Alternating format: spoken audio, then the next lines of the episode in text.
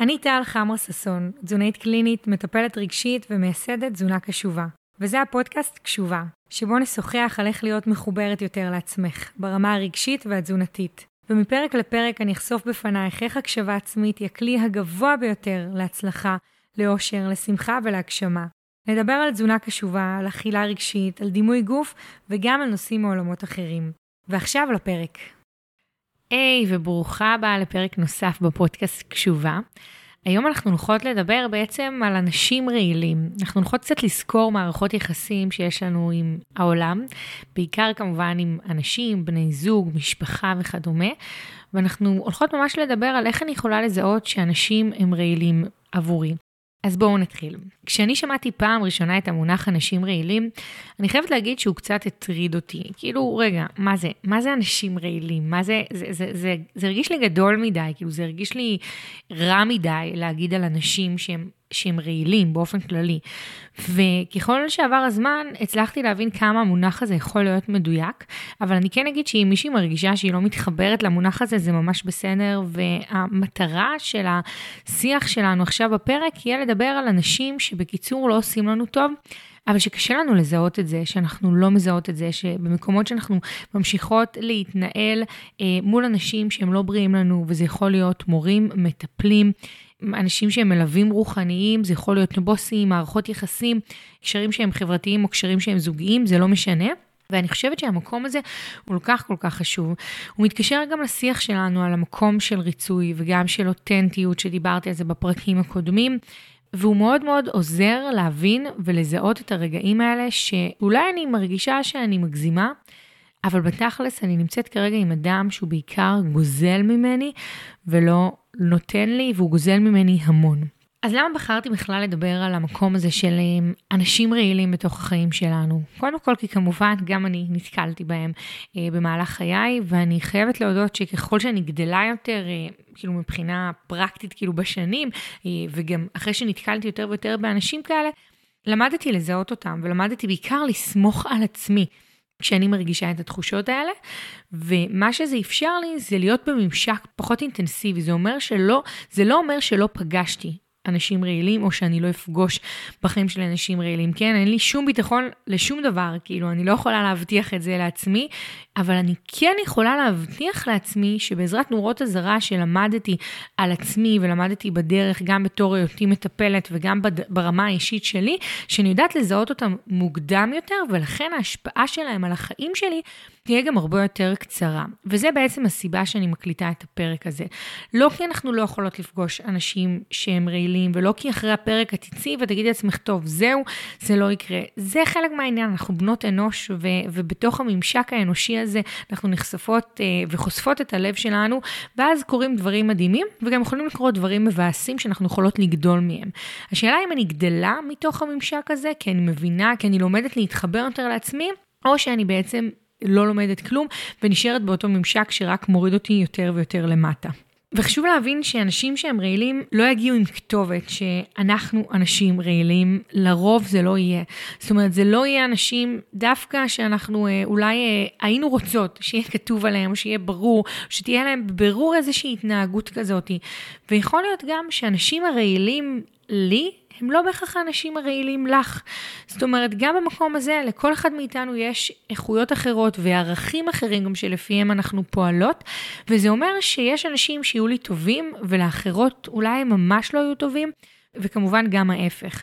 ולכן במקום הזה יש מצד אחד דברים שכן חוזרים על עצמם שאנחנו נלמד, אבל גם כאן זה מאוד מאוד מחבר אותנו לאמת הפנימית שלי בתוכי, וליכולת שלי להבין מה ומי מתאים לי יותר, ומי ממש מתאים לי פחות, אבל זה לא מתאים לי פחות ברמה שיש לי איתו פחות כימיה.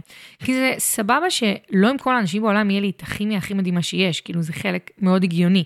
זה לא רק עניין של כימיה, אלא זה ממש עניין של אנשים שאני יוצאת ממפגשים איתם, וקשה לי איתם. ואז אני נשארת עם קושי מאוד גדול עם עצמי. אני נשארת מהמפגש הזה, הוא משאיר בי חותמת, וחותמת שהיא שלילית ולא חותמת שהיא טובה. ואני חייבת לשתף שאני בחיים שלי ככה, את המושג אנשים רעילים אה, לא פגשתי אה, כשהייתי בת 12, כן? אבל אה, בדיעבד היום, כשאני מסתכלת, היו לא מעט אנשים רעילים שפגשתי בחיים שלי, שהם היו רעילים לי, שהם היו לא בריאים לי, וזה התחיל ממקום של חברויות. נגיד עולה לי עכשיו חברה אחת מאוד ספציפית, שהיינו בקשר אחד מאוד צמוד, ו... זאת אומרת, בדיעבד כי לקח לי זמן, אבל גם הניתוק הזה ממנה היה מאוד מאוד קשוח. כי חלק מה, מהדינמיקה המורכבת הזאת עם בן אדם שהוא רעיל, זה משהו שגם עשוי להיות מורכב יותר להתנתק ממנו, אבל הכרחי, ואני כל כך שמחה על זה. וגם מול אנשים שהם היו בוסים, מטפלים. אה, אני מדברת ברבים, למרות שזה לא היה ברבים, פשוט כי לא בא לי לבחור להגיד בוסית או בוס מתוך מקום של אה, רגע, אה, לשמור על זה שאולי האנשים האלה איכשהו זה יגיע אליהם וכדומה, אז, אז חשוב לי גם לא לשתף את זה. אני לא משתפת את הסיטואציה הספציפית, אבל בהחלט אני רוצה לתת מקום ולהגיד שאני מרגישה שפגשתי את זה בכל מיני תחומים בחיים, זאת אומרת, גם ברמה הטיפולית וגם אפילו ברמה של המרצים לצורך העניין, בתוך האקדמיה, וגם ברמה של אה, בוס שהוא, או בוסית שיכולה להיות מאוד מאוד מוערכת כלפי חוץ, אבל היא חד משמעית הייתה רעילה ועברה על המון המון המון גבולות שלא היה נכון לעבור עליהם, מולי ולא רק מולי. ואפילו גם בתוך המקום הטיפולי פגשתי את זה.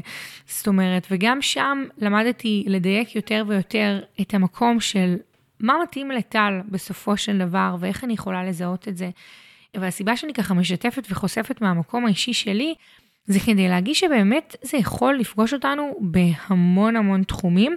אה, אני אגיד שגם במערכות יחסים זוגיות, אה, בתוך זוגיות, כאילו הכוונה, אנחנו גם יכולות להיחשף לזה, ספציפית, אני לא נחשפתי לזה, אבל זה לא אומר שזה לא קיים, אני יודעת שזה דווקא אחד הדברים שמאוד מאוד קיימים. אז קודם כל, איך בכלל אני יכולה לזהות שאנשים הם אנשים שרעילים לי? והשלב הראשון שחשוב לי שתביני ותצאי מהפרק הזה, זה שאת יכולה להבין ולזהות את זה רק אם את מצליחה לאט לאט לסמוך על מה שאת מרגישה בזמן שיח, בזמן נוכחות שלך עם אותו אדם, בזמן שיחת טלפון. איך נראה אנשים רעילים? לא משנה, אני אתן עכשיו איזה שהם מאפיינים, אבל זה שיש לבן אדם את המאפיין המסוים, זה לא בהכרח הופך אותו, אפרופו לבן אדם שראי לי, יכול להיות שכרגע באינטראקציה המאוד מאוד ספציפית הזאת, זה משהו ש, שנוצר, אבל כשאני מדברת על אנשים רעילים, אני מדברת על, על אנשים שאני יוצאת איתם ממפגש למפגש למפגש, עם תחושות שהן מאוד מאוד קשות וכבדות. עכשיו, העניין הוא שהרבה פעמים אני לא נותנת לעצמי באמת את המקום להרגיש שיש פה איזושהי בעיה. ואני לא נותנת לעצמי את המקום הזה להרגיש, כי אני לרוב כנראה לא סומכת על עצמי. יש לי איזה בחורה מהממת שאני אה, עבדתי איתה, והיא אמרה לי את המשפט שהיא הבינה שיש שם מישהי שרעילה לה, והיא אמרה, אבל, אבל אולי אני מגזימה, כאילו אולי אני רק מרגישה את זה, והיא לא מרגישה את זה, ואולי אני, אני סתם מגזימה שאני מרגישה שהיא לא מעריכה אותי, ושהיא מנצלת אותי, ושהיא סתם גורמת לי להרגיש לא בסדר עם עצמי. זה אולי רק שלי, זה אולי רק בדמיון שלי, זה אולי רק כי אני רגישה מדי. וזה בדיוק המקום והדוגמה הקלאסית של, זה לא משנה מה הצד השני מרגיש. קודם כל, אני לא אדע בחיים גם מה הצד השני באמת באמת מרגיש, גם אם אני אפגיש אותו עם התחושות שלי, אוקיי? שאנחנו תכף נבין מתי נכון להפגיש עם התחושות שלי ומתי לא. אבל מה שמשנה, המציאות בסופו של דבר היא המציאות שלי, היא המציאות של מה שאני מרגישה. עכשיו, זה שאני אולי רגישה יותר או רגישה פחות, זה לא אומר שאני לא מרגישה. והרבה פעמים אנחנו נוטות במיוחד כנשים לזלזל באינטליגנציה הרגשית שלנו ובתחושות שאנחנו מרגישות, כי אולי אנחנו מגזימות. כי אולי עכשיו מבחינה חברתית אני רואה שלאותו אדם יש כל כך הרבה קהל, או עדת מעריצים באינסטגרם, או כל כך הרבה אנשים שאמרו שאיזה מדהים הוא, ואז הדברים האלה מתפספסים. איך הם יתפספסו? זה יכול להיות שאדם מסוים עבור אדם אחד הוא מדהים והוא לא בהכרח רעיל. אבל אם אני מרגישה, וזה כאילו מחזיר אותנו לשאלה הראשונה ששמתי כאן, איך אני יכולה לזהות שהם אנשים רעילים. אני רוצה לזהות שהם אנשים רעילים עבורי, ובשביל זה אני צריכה לדעת לסמוך על עצמי. אני צריכה לדעת לזהות את מה שאני מרגישה ולבטוח ולא לפקפק בזה. כל כך הרבה נשים שאני מלווה, אני מזהה, והן מזהות יותר נכון, את התחושות הראשוניות שיש להן בתוך מפגשים עם בני אדם, או את התחושות שפתאום נוצרות להם אחרי תקופה מסוימת וממושכת שהן נפגשות עם אנשים. אבל כל כך בקלות הן מעבירות את התחושות האלה מתוך מקום שאולי אני מגזימה, שאולי אני סתם יותר מדי, שאולי אני מסבכת את העניינים.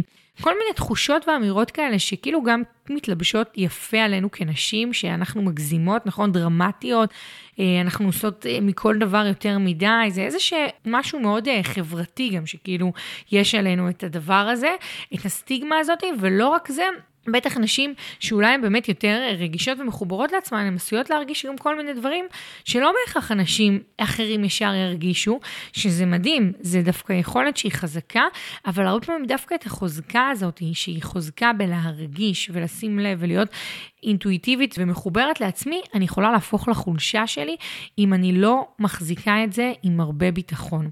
זאת אומרת, אם אני כל הזמן מפקפקת ברגשות שלי, אני לא סומכת על עצמי ולא בטוחה במה שאני מרגישה. ולכן, אם אני נמצאת בממשק עם בן אדם, ואפרופו, לצערי, זה יכול להיות ממשק עם בן אדם שהוא משפחה שלי, וזה יכול להיות ממשק עם בן אדם שהוא אה, קולגה, אה, עמדה טיפולית, אה, מורה או חברה וכדומה, או בן זוג, אני רוצה לשים לב למה שאני מרגישה בזמן המפגש או אחרי המפגש. יכול להיות שבזמן הפגישה הדברים ירגישו לי בסדר, ואחרי המפגש אני פתאום אקלוט את עצמי עם איזושהי תחושה של מה עשיתי, אולי למה הסכמתי לזה, או למה אמרתי כן, או למה שיתפתי את כל הדברים האלה, או למה הסכמתי ללוות אותה עכשיו ל-12 שעות, או כאילו פתאום יכול להיות שיום, יומיים, שעה אחרי המפגש אני אקלוט של רגע, מה, מה היה כאן? אז זה כאילו דוגמה מצוינת, במיוחד אם זה חוזר על עצמו, לזה שהממשקים הם רגע עם אנשים רעילים. גם אנרגיות שהן ירודות. עכשיו, אנרגיות ירודות זה אומר שכשאני נפגשת עם אנשים, אני מרגישה, בין אם זה בזמן המפגש ובין אם זה אחרי, פתאום איזשהו אולי עייפות נורא גדולה, תחושה כזאת של דכדוך שאחרי, הרי יש אנשים שאני יכולה להיפגש איתם וממש לצאת מורמת מהמפגש. אולי לא בהכרח תמיד מורמת, זה תלוי מה היה במפגש ומה הצד השני מרגיש, אבל להרגיש רגיל, להרגיש בסדר, להרגיש מחוזקת, להרגיש בטוחה, להרגיש כל מיני תחושות אבל תחושות שהן לרוב יהיו באנרגיה שהיא מרימה, ולא באנרגיה מורידה. ואם אני יוצאת ממפגש עם בן אדם, וזה פעם אחרי פעם, ואני מרגישה פחות טוב, אני מרגישה שפתאום אני שופטת את עצמי יותר. אני פתאום אולי שמה לב שאני יותר, אחרי המפגשים, בוחנת את הגוף שלי, רעה לעצמי, מדברת לעצמי לא יפה. זאת אומרת, זה גם יכול להתבטא נגיד במקומות האלה מול הדימוי גוף, פתאום אני יותר מרגישה רע מול אכילה שלי למשל. כאילו פתאום הדברים יותר כבדים לי. אז יש מצב שיש לי שם אנרגיות שהן מאוד מאוד מורידות, ואני רוצה לשים לב לאנרגיות האלה, אני רוצה להיות איתן במגע, אני לא רוצה לטשטש אותן. והרבה פעמים אנחנו נוטות לטשטש אותן, או, או, או כאילו להגיד שזה טוב, זה בגלל שזה היה מאוחר, או בגלל שזה... בגלל שהשמיים עכשיו קודרים. זאת אומרת, לתת לאיזה שהן סיבות שהן לא באמת סיבות שהן מחוברות למה שאני מרגישה, למרות שבתוכי, בתוכי אני כנראה מבינה, ויש לי שם בטוח את האמת הפנימית שמבינה את הקשר הזה בין המפגש עכשיו שהיה לאנרגיות הירודות. ולצערי, זה יכול לקרות גם כתוצאה ממשפחה, כמו שאמרתי, זאת אומרת, ממשק עם אנשים בתוך המשפחה, זה יכול לקרות עם האנשים שאמורים להיות הכי קרובים אלינו, שזה אבא ואימא. אחים, וזה יכול להיות כאילו גם עם משפחה שהיא מורחבת יותר, אבל גם כאן זה יכול להיות. ואני תכף אדבר על ה... למה זה כל כך חשוב להבין את זה, כי כמו שאתם רואות, כשאנחנו מדברות על משפחה, אני לא בהכרח יכולה להתנתק מהמשפחה שלי, גם לא בהכרח זאת תהיה הבחירה הנכונה, אבל כן יש דברים שאני יכולה לעשות, כשהדבר הראשון הוא קודם כל לזהות את זה. אז אה, דברים נוספים שאני יכולה להרגיש זה גם איזושהי תחושת ריקנות וקיבוץ מהמפגש, ממש חוויה כזאת שהתרוקנתי, שזה גם מתקשר לתחושות הירודות, זה יכול להיות שאפילו זה יתבטא בפתאום מיגרנה שעולה לי, או כאב צוואר, כאילו אפילו בחוויה הגופנית. וזה יכול לגרום לי הרבה פעמים להרגיש שאני לא בסדר, שפתאום זה יכול להעיר אצלי, נגיד, שדים, שאולי הם שדים שקיימים אצלי, אבל פתאום, כמו שאמרתי, להנכיח יותר את התחושות שלי מול הגוף, או מול האוכל, או חוויה שאני בן אדם לא מספיק טוב, או אני לא מספיק מוצלחת, אני לא מספיק הישגית, אני לא מנסה מספיק, אין לי מספיק כסף, אין לי, אין לי בן זוג מספיק טוב, כאילו, כל מיני דברים שהם באים ויערערו את, את העולם הפנימי שלי, שיכול להיות שעד אותו מפגש הרגשתי בסדר עם מה שלבשתי ועם החיים שלי, אבל אחרי המפגש פתאום אני מוצאת את עצמי, שזה לא בהכרח אפרופו בהקשר למה שאותו אדם אמר לי, אבל אני מוצאת את עצמי פעם אחרי פעם עם גם אנרגיות ירודות וגם כל מיני מחשבות פתאום שהן... שמתלוות לזה, מחשבות שמערערות על החיים שלי כרגע, ששמות סימני שאלה על מה שאני מרגישה, ו... אם את שמה לב עד עכשיו, אני בינתיים בעיקר בעיקר דיברתי על המקומות של מה אנחנו מרגישות. כי במקום הזה של אנשים רעילים, אין, אני לא מסתובבת עם איזשהו מד חום שבא ומגלה לי, זה, זה אישה שרעילה לך, תיזהרי ממנה, זה אדם שמטיב איתך, תתקרבי אליו. אין לנו את המד חום הזה, אין לנו את הגלאי הזה. אני רוצה להיות הגלאי לעצמי, והאמת הפנימית שלי והמקום המחובר שלי לתוכי, זה באמת המקום שיכול לספר לי מה אני מרגישה. וככל שאני אצליח להיות יותר נוכחת במה שאני מרגישה, במה קורה לי בזמן המפגש ואחרי המפגש, אני אצליח באמת להבין האם יכול להיות שיש כאן אדם או אישה שממש ממש לא טובים לי. זה יכול להתבטא בעוד דברים שהם לא רק בעולם הפנימי שלי, אלא גם נגיד אם זה אה, אדם שגורם לי למתוח את הגבולות שלי, זאת אומרת אם, אם אני נגיד, אה, אני מנסה לאכול אה, בצורה מסוימת, ואז עומד האדם הזה ומספר לי הרבה מאוד דברים, אולי מעביר ביקורת עליי, אולי מספר לי עליו בתור איזשהו גורו למשהו מסוים, ואז אני מרגישה מאוד לא בנוח, נגיד, לאכול לידו בצורה מסוימת, ואז מתחתי את הגבולות שלי והזמנתי אוכל שאני לא באמת רוצה. או יכול להיות שמצאתי את עצמי בסוף אה, מסיעה אותו מכאן לכאן לכאן, למרות שאני כבר גמורה וחזרתי הביתה מאוחר וידעתי שמחר אני אקום מוקדם. אבל בכל אופן עשיתי את זה, או מצאתי את עצמי עוזרת לו באיזשהו משהו שלקח לי לא מעט זמן, ו... היה עדיף לי להיות עכשיו בבית ולהתעסק בדברים אחרים, או לא להתעסק בכלום, אבל גם כאן הגבולות שלי בעצם נמתחו. או יכול להיות שרציתי להפסיק את השיחה, ועדיין הרגשתי שהוא דורש ממני עוד ועוד ועוד. או אני אמורה לסיים את העבודה ב-4 בצהריים, אבל עדיין דורשים ממני בצורה שהיא כאילו מש... עשויה להשתמע לשתי פנים, אבל עם הרבה מאוד ציפיות, כן למשוך וכן לסיים לטפל בדברים ש... שנשארו בעבודה כדי לא להשאיר שום דבר פתוח. זאת אומרת, זה יכול להיות מצב שאני חוזרת וחוזרת שוב פעם ושוב פעם וממש מושכת את הגבולות שלי ומותחת אותם, את הגבולות שציפיתי. אולי ציפיתי להגיע לעבודה שהשעות שהוגדרו הן 9 עד 3, ובסופו של דבר אני מוצאת את עצמי לא פעם ולא פעמיים ולא שלוש, אה, נמצאת הרבה יותר ומדברת בטלפון גם אחר הצהריים, למרות שהוגדר לי אחרת. או לא מקבלת לגמרי את המשכורת שאני אמורה לקבל, או דברים שהבטיחו לי, זה יכול להיות בכל מיני ממשקים כאלה ואחרים, או אני לא רוצה לדבר על נושא מסוים, ובסופו של דבר אני פותחת אותו שוב פעם ושוב פעם. אה, אני עשויה להרגיש מאותו אדם גם שיפוטיות, שהוא משופט אותי, שהוא מבקר אותי, שהוא שם לי סימני שאלה על, על הדרך שבה אני פועלת בעולם. כשאני לא ביקשתי את זה, לא ביקשתי שהוא ימתח ביקורת על הצלחת שלי, על איך שאני נראית, על הבחירה הזוגית שלי. גם יכול מאוד להיות שלא שמתי שם בכלל סימן שאלה, זאת אומרת, לא רציתי, לא סיפרתי לו על אה, בן הזוג שלי והתכנון שלנו לטוס עכשיו לחודש כדי שהוא יספר לי שזה אה, מוגזם מדי, או לא טוב, או לא בריא לקשר במערכת אה, אה, יחסים התחלתית או מאוחרת או לא משנה מה, זאת אומרת, לא שמתי את עצמי כדי שהוא יבוא ויבקר אותי ואני שומעת שהוא מבקר אותי ואני מרגישה שהוא מבקר אותי. הרבה פעמים ביקורת גם היא כמובן נאמרת במילים, אבל הרבה פעמים היא לא נאמרת רק במילים. היא יכולה גם להיאמר בלי מילים, ושם היא לא פחות מסוכנת ולא פחות חשובה, היא יכולה להיאמר בין הדברים. בדוגמה של אני למשל לא הייתי עושה את הדברים האלה, או אני לא הייתי פועל ככה, והרבה פעמים גם האמירות האלה יכולות להיאמר בצורה שהיא כאילו מאוד קלאסית, מאוד יפה. כנראה שהיא לא בהכרח תבוא, היא יכולה לבוא בצורה שהיא אה, אולי של קללות או בהרמת הטון, אבל לא בהכרח אנשים רעילים.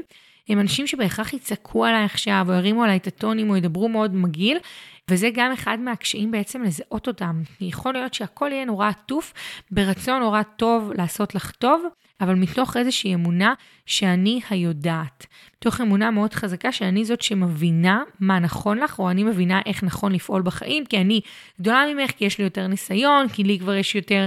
היו לי יותר מערכות זוגיות, אני הבוסית שלך, אני המטפלת שלך, אני הגורואית של התזונה שלך וכדומה.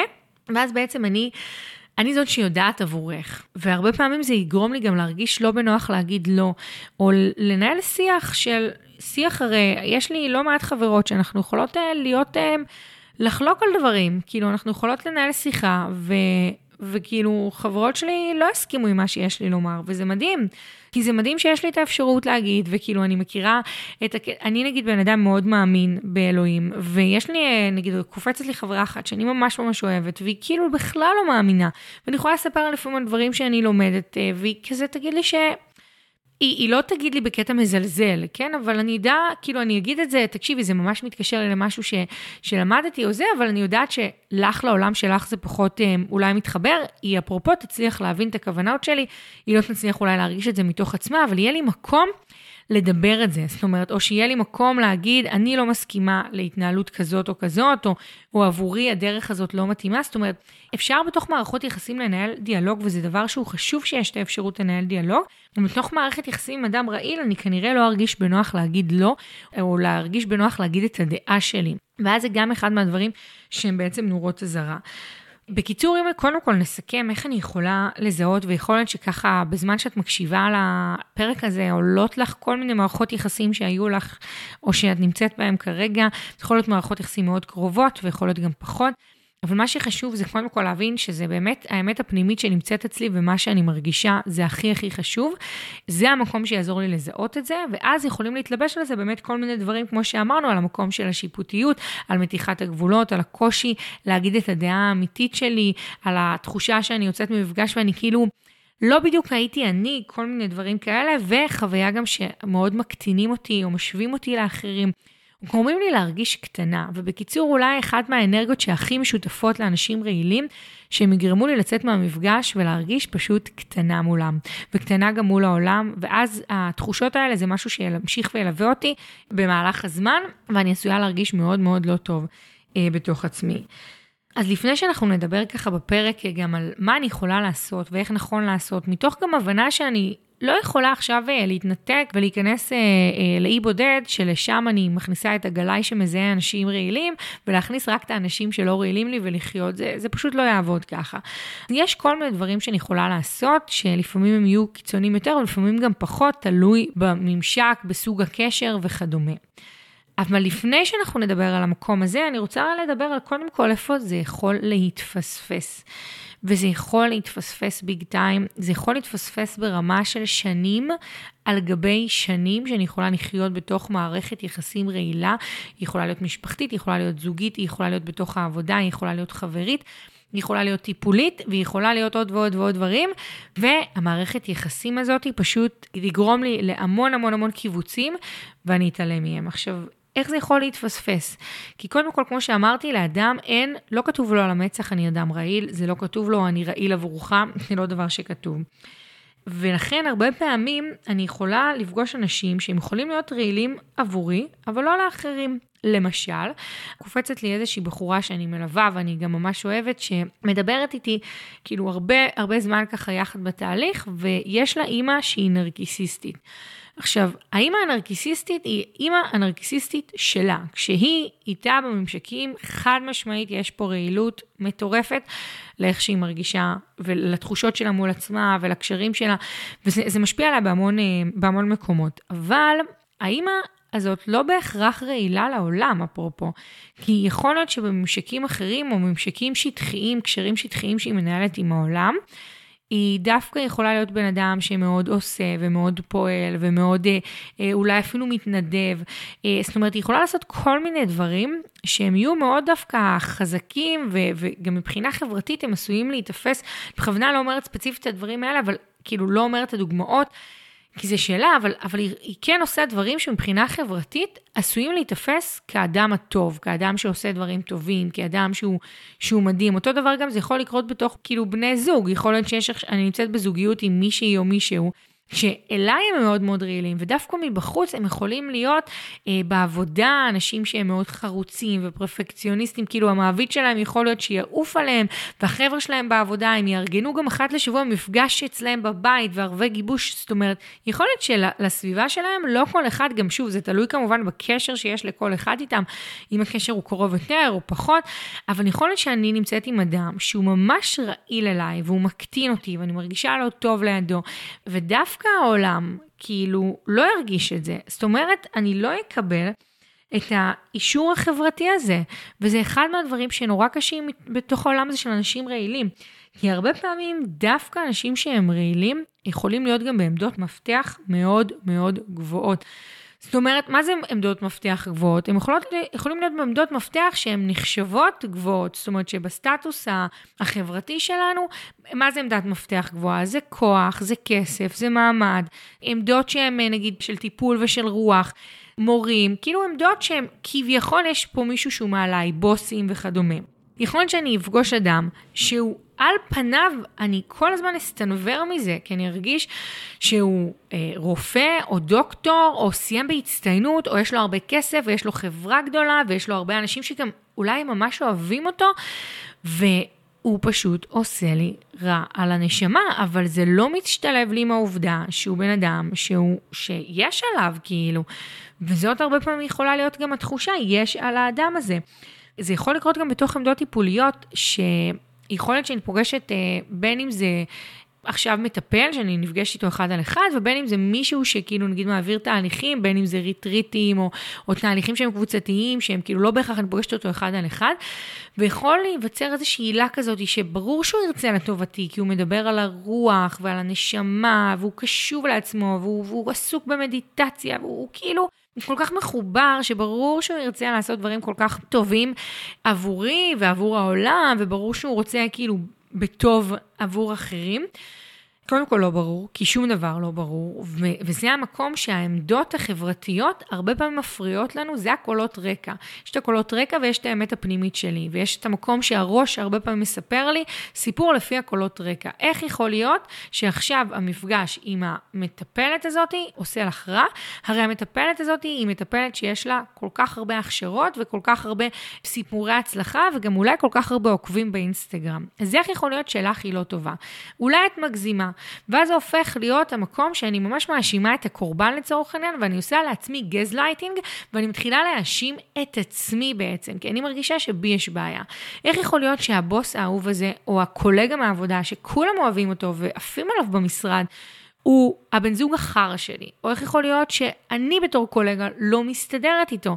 ואז זה מקום שהרבה פעמים בא, שאם אני גם לא מספיק בטוחה בעצמי, ובגלל זה, הדבר הראשון שאמרתי, איך אני יכולה לזהות אנשים רעילים, זה קודם כל לזהות מה אני מרגישה מבפנים, מה זה גורם לי בתור אדם להרגיש. כי יכול להיות שמבחינה חיצונית, הכל ייראה לא רק בסדר, הוא גם עשוי להיראות מושלם, שאותו אדם יש לו כל כך הרבה כוח ואישורים חברתיים, ואז זה פשוט יבלבל את המקום הזה. ולכן, שוב להבין שאולי גם הבן אדם הזה רעיל עבורי ולא עבור אחרים, וזה לא אומר שיש בי בעיה או שאני תפוקה, אוקיי? זה ממש לא אומר את זה. וכן לדעת שגם לא כל הנוצץ זהב, ואני רוצה להגיד דברים שהם, זה באמת קצה הקרחון, ואנחנו לא מדברות בהכרח על סיטואציות כאלה קיצוניות, אבל לא חסרים סיפורים של גם אנשים בעמדות ניהוליות, אנחנו יודעות את זה גם מצה"ל ויודעות את זה בעמדות טיפוליות, שבסופו של דבר התגלו כאנשים שפגעו מינית, שניצלו אה, מינית, שניצלו כספית, התעללו רגשית. זאת אומרת, רגע, אם גם נסתכל על המציאות בעיניים, אנחנו יכולות לראות ביום-יום שלנו דברים שהתגלו על כל מיני גם גורואים שהם רוחניים, שבסופו של דבר התברר שהם מנצלים מינית, או על כל מיני עמדות מפתח בכל ה... פוליטיקה שככה זה דברים שכאילו התגלו על אנשים שהיו בעמדות מאוד מאוד גבוהות והיה להם הרבה כוח וכסף ובסופו של דבר הם בסוף ניצלו או גנבו, אנסו וכדומה. ולכן זה יכול להתפספס, כי אני יכולה לראות אנשים עם המון אישורים חברתיים, וכאן גם האינסטגרם והפייסבוק והטיק טוק וכל הרשתות החברתיות עשויות להיות מאוד מאוד מבלבלות. אפרופו, גם בפודקאסטים זה יכול לקרות, כי יכול להיות אנשים שיש להם עמדות מפתח, או שהחוויה היא שיש להם השפעה, שיש להם איזושהי השפעה שהיא חברתית. ויש גם אישורים חברתיים, כי מה זה לא אם לראות את כמות העוקבים שיש לאותו אדם, ולהגיד, אוקיי, לבן אדם הזה יש עשרות אלפי עוקבים, מאות אלפי עוקבים, לא משנה מה, הוא בטוח יודע מה הוא עושה. יש כל כך הרבה אנשים שנרשמו אליו לתהליכים או לריטריט ומספרים סיפורים כל כך גדולים, בטוח הוא יודע מה הוא עושה. אז קודם כל, באמת שום דבר לא בטוח. ואחד מהדברים שעוזרים לנו שזה לא יתפספס, זה, זה לזכור שמה שאני מרגישה זאת האמת, וזאת האמת שלי, ובסופו של דבר אני חיה בעולם שלי, עם האמת שלי, עם הנשמה שלי, אני לא חיה בגוף או נשמה של מישהו אחר. ואני עשויה להרגיש הרבה פעמים שאני מגזימה, כי שוב, יש הרבה פעמים את העמדות מפתח, ואמרנו ש, שיש לאדם הזה, כאילו יכול להיות לו אישורים חברתיים, לא בהכרח, ואני יכולה להרגיש שאני מגזימה. אני גם יכולה להרגיש שאני מגזימה גם אם נגיד לאדם אין את כל האישורים החברתיים או הכוח שתיארתי וכדומה, אלא מעצם זה של כאילו, טוב, אז, אז מה, מה הוא כבר מבקש? כי אמרנו שאנשים רעילים, לרוב לא בהכרח, יכול להיות שהם כן יקללו אותנו ויצרכו עלינו ו- וממש ינצלו אותנו ברמה שמאוד קל לבוא ולהגיד, אוקיי, נפגעתי, נפגעתי מינית, גנבו ממני. זה ניצול שכאילו הרבה יותר קל לזהות אותו, גם את זה לא תמיד קל לזהות. אבל לא תמיד אני אקבל את האישורים החיצוניים כביכול למה זה אדם רעיל שעכשיו הוא מנצל אותי, וגם אני רוצה לנסות בחיים שלי לא להגיע גם למקום הזה, שעכשיו בן אדם ממש ממש מנצל אותי, שכמובן שאם הגעתי לזה זה ממש בסדר, אבל המטרה היא שלנו כאן בפרק זה להעלות את זה, כדי שאני לא אצטרך בכלל להגיע למקום הזה שממש מנצלים אותי, ולכן הרבה פעמים אני יכולה להרגיש שמשהו לא מסתדר לי. אני יכולה להרגיש, כמו שאמרתי, את האנרגיות הירודות, מתחושות לא טובות, וריקנות כזאת, ותחושה שאני לא בסדר, ופתאום מחשבות שעולות לי אה, כזה אחרי מפגש עם אותו אדם. ואני יכולה להרגיש שאני ממש מגזימה במקום הזה, ומה שבא לי לומר לך זה שאת לא מגזימה. זאת אומרת, גם אם יכול להיות שאת יותר רגישה, יותר שמה לב לניואנסים, קודם כל זה בסדר, זאת את. ודבר שני, אל תהיי במקום שאת ישר שמה איזשהו איקס על מה שאת מרגישה. כשאני שמה איקס על האינטואיציה, על האמת הראשונית שלי, על האוטומטים הראשונים המחשבתיים והרגשיים שעולים לי, שזה בעיקר מול הרגשות, אני בעצם שמה איקס על עצמי קודם כל. עכשיו, יכול להיות שלפעמים אני יכולה להגזים, כן, ויכול להיות שבתוך קשרים חברתיים שלי, כאילו זה, זה הרבה פעמים קורה וזה נורמטיבי לגמרי, בן הזוג שלי עכשיו עכשיו מעצבן אותי, אביתר יכול לבקש ממני כאילו משהו ואני אתעצבן, ועשר דקות אחרי זה אני אגיד לעצמי, בוא נטל, כאילו הגזמת, כאילו מה, מה כבר היה כאן? יכולת לענות אחרת, אבל זה תפס אותי באמצע משהו שאני ככה בלחץ וכל מיני, ועניתי. אז, אז ברור שיכול להיות שאני אמצא את עצמי וגם אפדבק את עצמי בדיעבד ואגיד, הגזמתי. וגם אני אתנצל אם צריך, ברור. אבל מה שאני באה לומר זה שהרבה פעמים אנחנו נוטות לשים איקס על התחושה הראשונית הזאת שמשהו לא בסדר, שאני מגזימה, וזה יכול להיות לשים את האיקס כי יש את האישורים החיצוניים, וזה יכול להיות לשים את האיקס גם כי פשוט מה כולה קרה כאן, מה כולה קרה במפגש. אז היא אמרה שהיא בזוגיות שלה הייתה מעדיפה לחיות עם בן זוג אחר, שעובד במקצוע אחר, שנראה אחר, שחי אחר, שיש לו הורים אחרים. מה היא כבר אמרה?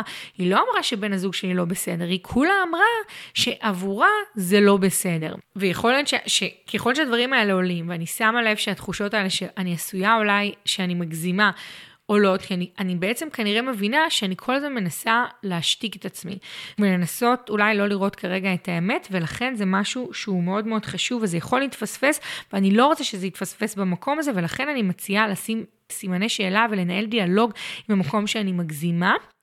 ולא להיות בתוך uh, חוויה שטוב, אני מגזימה וזהו, זאת בטוח התשובה.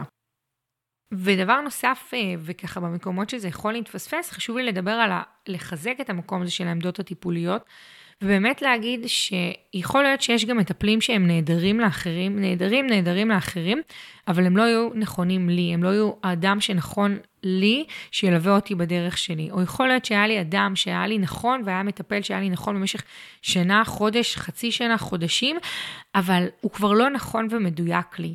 וגם במקום הזה יכול להיות שאדם הפך להיות כבר לא טוב לי, הוא הפך להיות רעי לי בעצם כי התפתחתי כרגע, וכרגע הבנתי כל מיני דברים ש... אולי אז היה נכון לי, אבל היום זה כבר לא מדויק לי, זה לא מתאים לי, זה כבר ברמה מסוימת רעי לי. ולמה אני כן נשארת עם המונח רעי לי? כי אם אני נשארת במקום עם אדם שהוא כבר לא באמת מפתח אותי, ואני לא באמת כבר מסכימה עם הדברים שהוא מעביר לו, עם הדרך שבה הוא מעביר לי, רק כי אני שומרת לו חסד נעורים, או רק כי היה, יש לי עליו איזשהו אישור חברתי מאחרים, או מאישור חברתי מהחוויה שלי עליו, אז הוא כרגע רעי לי, כי אני לא קשובה בעצם לצורך שלי, ואני לא קשובה לעצמי. וזה יכול לקרות הרבה פעמים בתוך מקומות טיפוליים, שאני נשארת עם אותה מטפלת, למרות שיכול להיות שבהתחלה היא הייתה לי מדהימה. ואני באמת באמת פוגשת את זה. יכול להיות שבהתחלה, בשנתיים הראשונות שהייתי בדיכאון, המטפלת הזאת הייתה לי נכונה מאוד, אבל אחרי שנתיים, הצרכים שלי השתנו, אני הפכתי להיות אדם אחר. יכול להיות שלא נכון לי להיות כרגע בטיפול, ונכון לי לעבור לליווי אחר, או יכול להיות שלא נכון לי להיות בכלל בליווי, או נכון לי טיפול אחר, לא משנה מה, אבל אם אני ממשיכה להישאר רק כי אני שומרת איזשהו חסד, אז האדם הזה יכול להיות רעיל לי, לא ממקום באמת בהכרח שהאדם הזה רעיל, או שיש לו כוונות רעות גם, כן? אלא ממקום שזה לא קשוב לי ולא קשוב לצרכים שלי. ולעיתים גם כן אני חייבת להגיד שגם מטפלים, בין אם זה פסיכולוגים עובדים סוציאליים קליניים, ובין אם זה אנשים ש, אה, שלמדו הסמכות אחרות, יכולים להיות לי רעילים, וזה משהו שנורא קשה להאמין בו, כי יש איזושהי אמונה רווחת שטוב, אם האדם הזה עוסק בטיפול, הוא אמור להיות לי טוב, הוא, הוא יודע לעשות את העבודה, הוא רוצה בטובתי. וגם כאן נכנס הרבה מאוד אגו, ונכנס מקום נרקיסיסטי שיכול להיות, ואני ממש לא אומרת שכל הפסיכולוגים, כל המטפלים הם נרקיסיסטים, ממש ממש לא, ויש לי מטפלת מדהימה, ופגשתי מטפלים מדהימים, מדהימים, מדהימים בחיים שלי, אז ממש לא, וגם אני מטפלת, אבל כן אני באה להגיד, רגע, בוא נוריד את המסך הזה. אין אף אדם שהוא טוב יותר מאדם אחר, וזה שאדם, לא משנה מה הוא למד, במקום הכי גבוה, בהצטיינות, לא בהצטיינות, לא הופך אותו למישהו שהוא יודע מעליי, ובמקום הזה הטיפולי אני רואה הרבה פעמים את הבלבול הזה, כי האדם קשוב, כי הוא יודע, ולכן יכול להיות שם המון ניצול. אז מה אני יכולה לעשות עם אנשים רעילים? מה אני יכולה לעשות עם מערכות יחסים שהן רעילות כרגע בחיים שלי? אז קודם כל אני אגיד שהרבה פעמים לימדו אותנו, כבר שהיינו ילדים, לתקשר את הדברים, לדבר אותם, לנהל שיח על דברים שמפריעים לנו. הבעיה היא שלא תמיד זה הפתרון. זה נורא נחמד וחמוד לחשוב על זה, וזה נורא אוטופי לחשוב על זה, שאני אנהל עכשיו אה, שיחה עם מישהו, הוא יגיד לי, וואלה, טל, צודקת, והכל ייפתר. העניין שלא תמיד אה, זאת התשובה, והרבה פעמים זאת גם לא התשובה, בטח עם אנשים שהם רעילים לנו. קודם כל כי יכול להיות שהם רק יעשו לי גז לייטינג ויגרמו לי להרגיש שאני מגזימה וממציאה, וכאילו חייתי עכשיו באיזה La La Land, ואין מצב, שכאילו, זה, זה לא, את מגזימה, טל, אין מצב.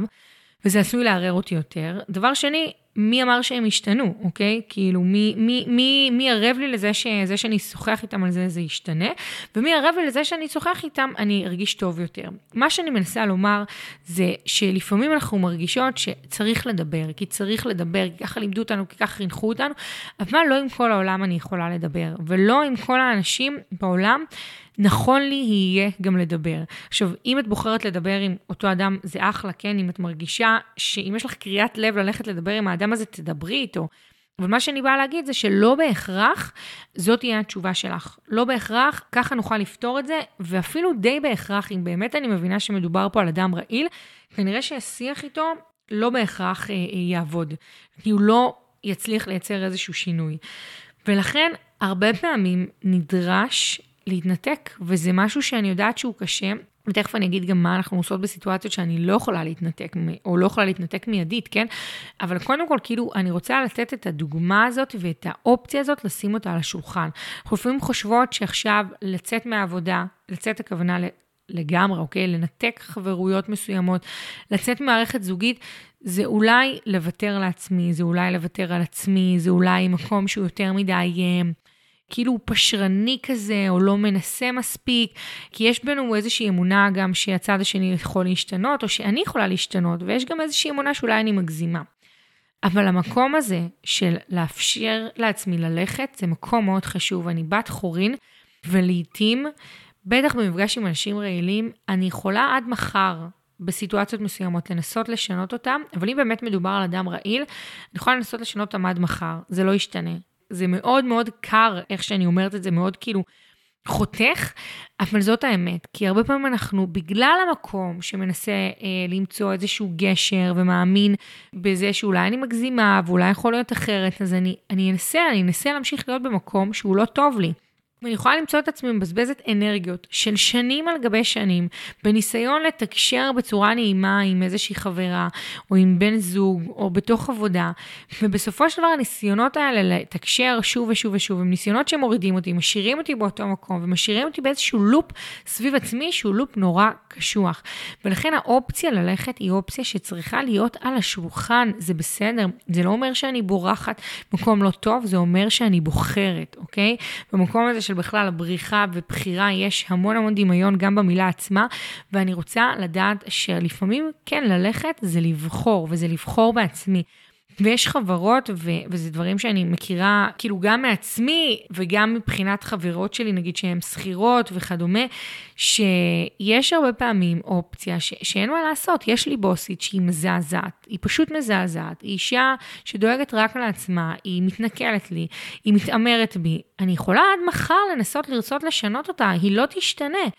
וזה להסתכל על המציאות בעיניים ולהשתמש באופציה שיש לי בתור בת חורין ול, ולצאת פשוט. עכשיו, זה לא בהכרח חייב יהיה לצאת היום בצהריים להתקשר אליה, אבל, אבל זה לצאת מתוך הבנה שהרבה פעמים זה הדבר שפותר לי את הדבר, ולא המקום שלה להישאר. אותו דבר גם בתוך קשרים חברתיים, יכול להיות שיש לי, אין מה לעשות חברה, ואני עשויה לשלם על זה גם מאוד מחירים אולי, עם זה שאני אבחר ללכת, אבל אני רוצה לזכור שיש לי את האופציה הזאת, ועם אנשים רעילים לפעמים לא יהיה מנוס מלחתוך את הקשר.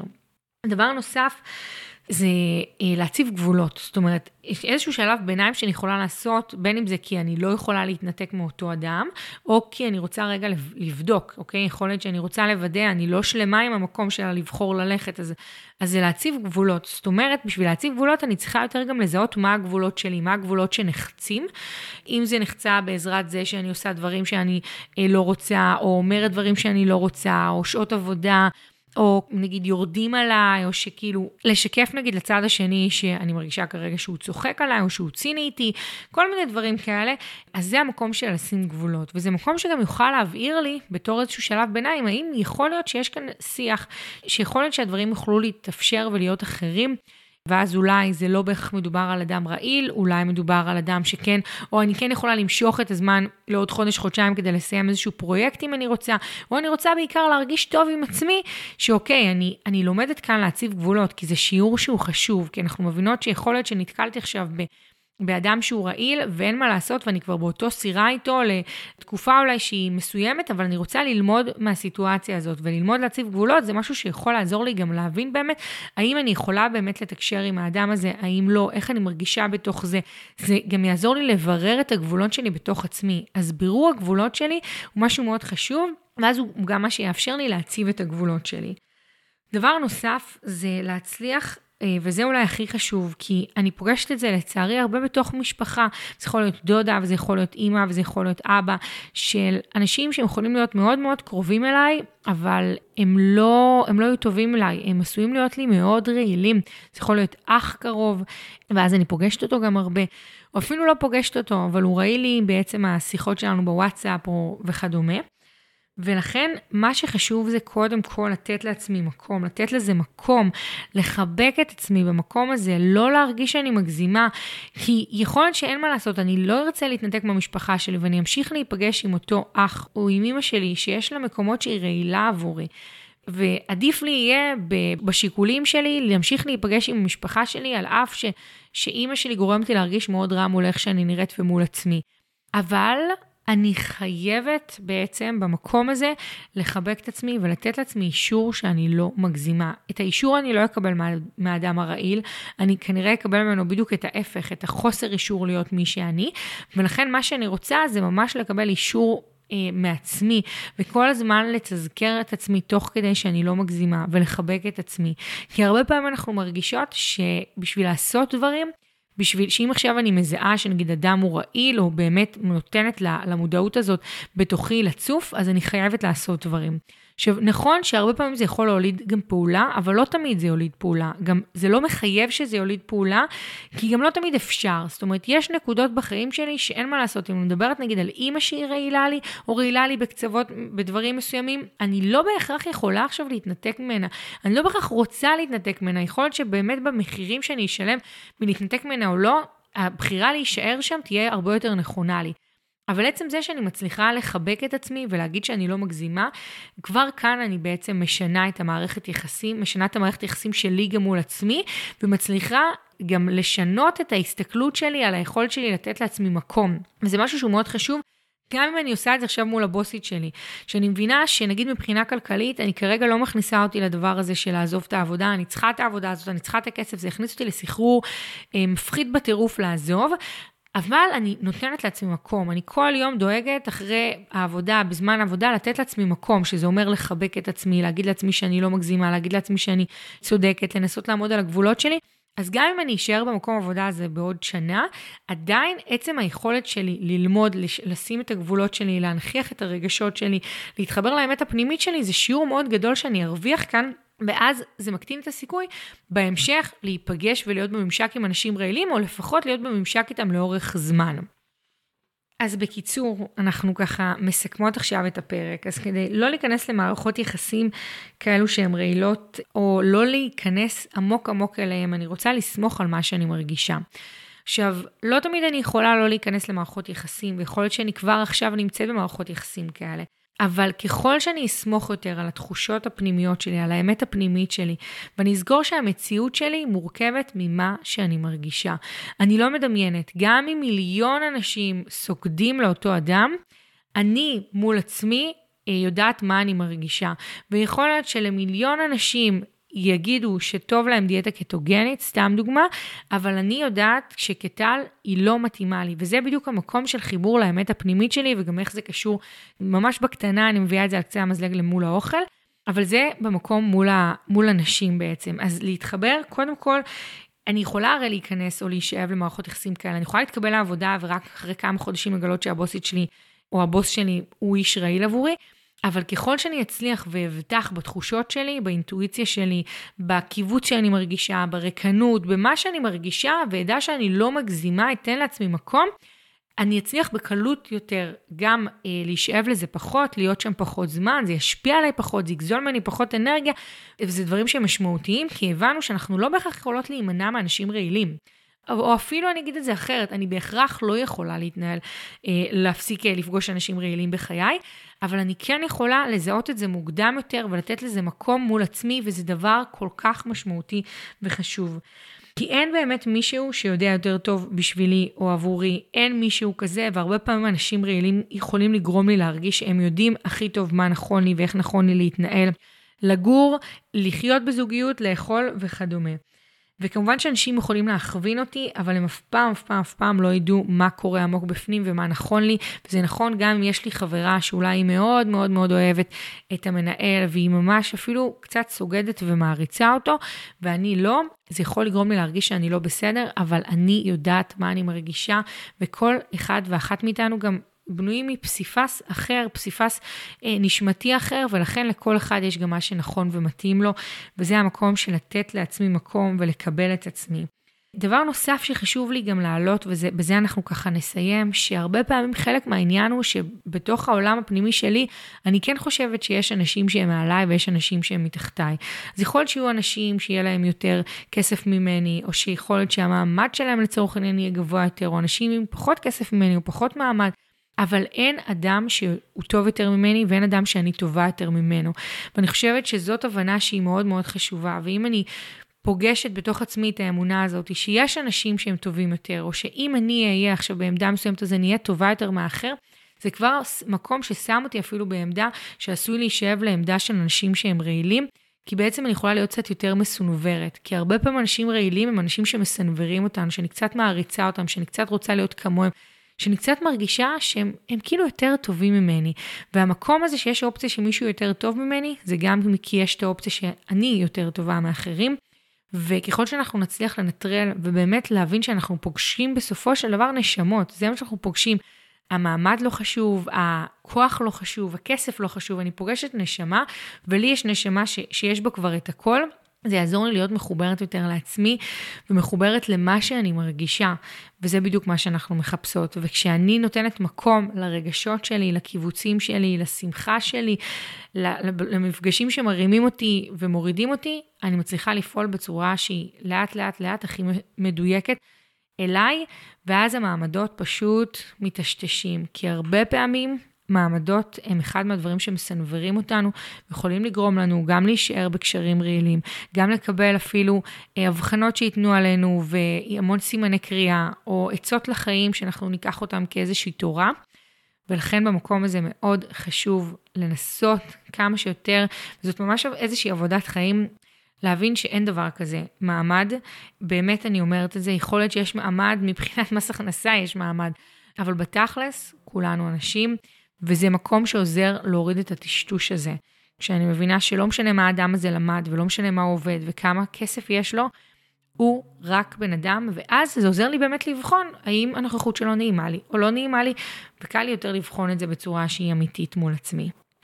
אז אני יותר מאשמח שתכתבי לי אה, מה את לוקחת מהפרק הזה. את יכולה לשתף אותי באינסטגרם, את יכולה לכתוב לי בפייסבוק, איפה שנוח לך, וכמובן שאת מוזמנת לדרג את הפרק הזה.